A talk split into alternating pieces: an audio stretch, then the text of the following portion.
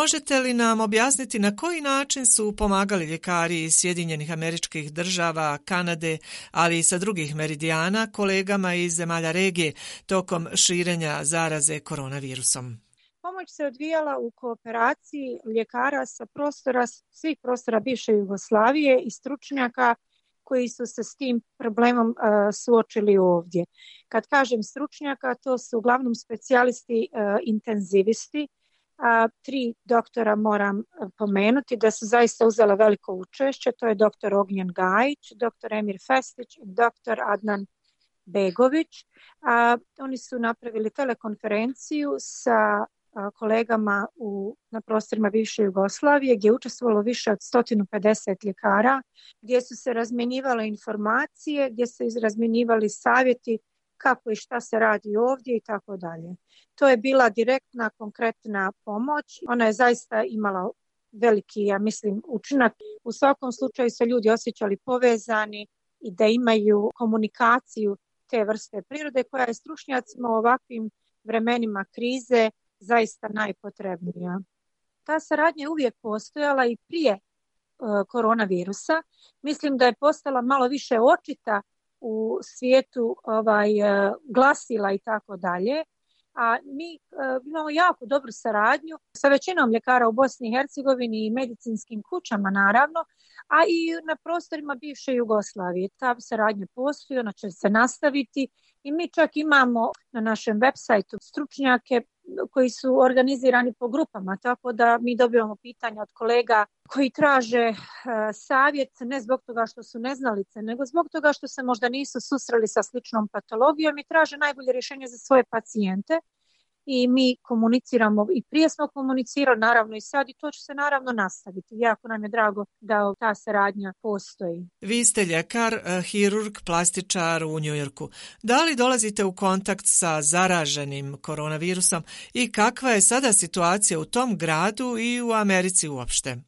Ja kao plastični hirurg eh, dođem u kontakt s tim pacijentima jer naravno nije rezervisano samo da ljudi imaju da su pozitivni na virus ili nisu pozitivni, postoji druga patologija.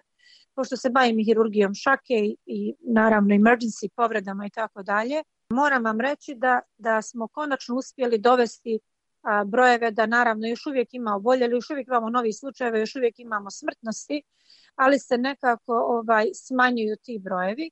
Mislim da smo uspjeli, ne mogu reći kontrolisati u potpunosti jer to nije, ne bi bilo tačno, da bi se to došlo do potpune kontrole, bilo bi potrebno da se cijelo stanovništvo ovaj, testira, što se zaista ne radi i tako dalje, ali eto na neki način mislim da se brojevi smanjuju. Sad imamo drugu situaciju koja je drugog karaktera gdje su ovaj pobune, ali se bojim da će sad to ponovo dovesti do većeg broja ovaj, u bolnicama.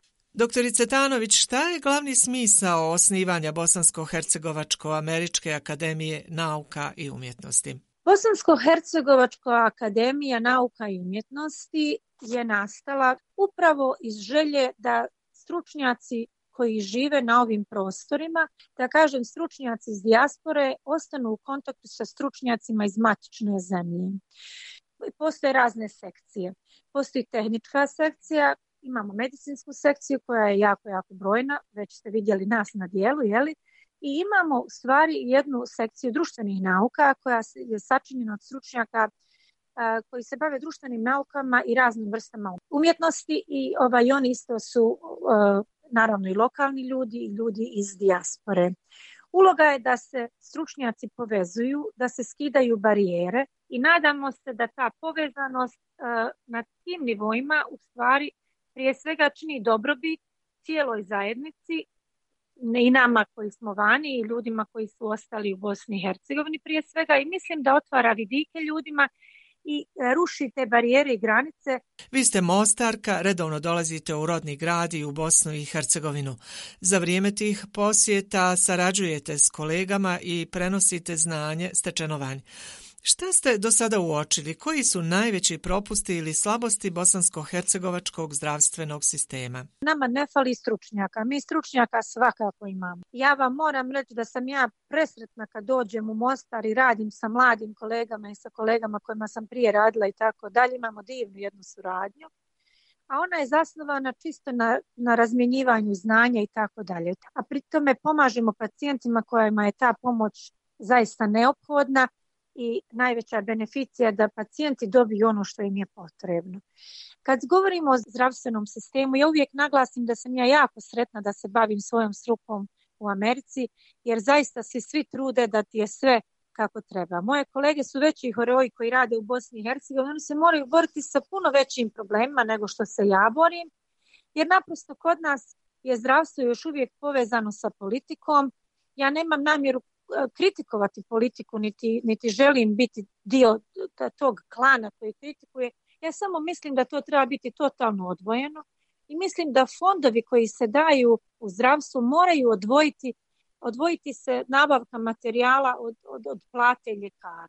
Jer to je naprosto, to nema nigdje na svijetu da su ti fondovi tako povezani. I naprosto se mora početi nagrađivati kvalitet. Jedan ljekar koji ide u operacijonu salu deset puta sedmično mora biti bolje nagrađen od jednog hirurga koji nikad ne ide u salu. Mi možemo govoriti što god hoćemo, ali dok se ne počne praviti ta vrsta razlike i ljekari se osjećaju poniženim. Ja govorim o hirurzima, to je moja struka. I ja znam da postoji puno hirurga koji non stop rade, operišu, ali nisu prepoznati po toj svojoj stručnosti. Koliko dugo ste u Sjedinjenim američkim državama? Možete li za kraj ovog razgovora reći nešto o članovima vaše porodice, čime se oni bave i kakve su veze vaše djece sa Bosnom i Hercegovinom? U Sjedinjenim američkim državama već živim 26 godina.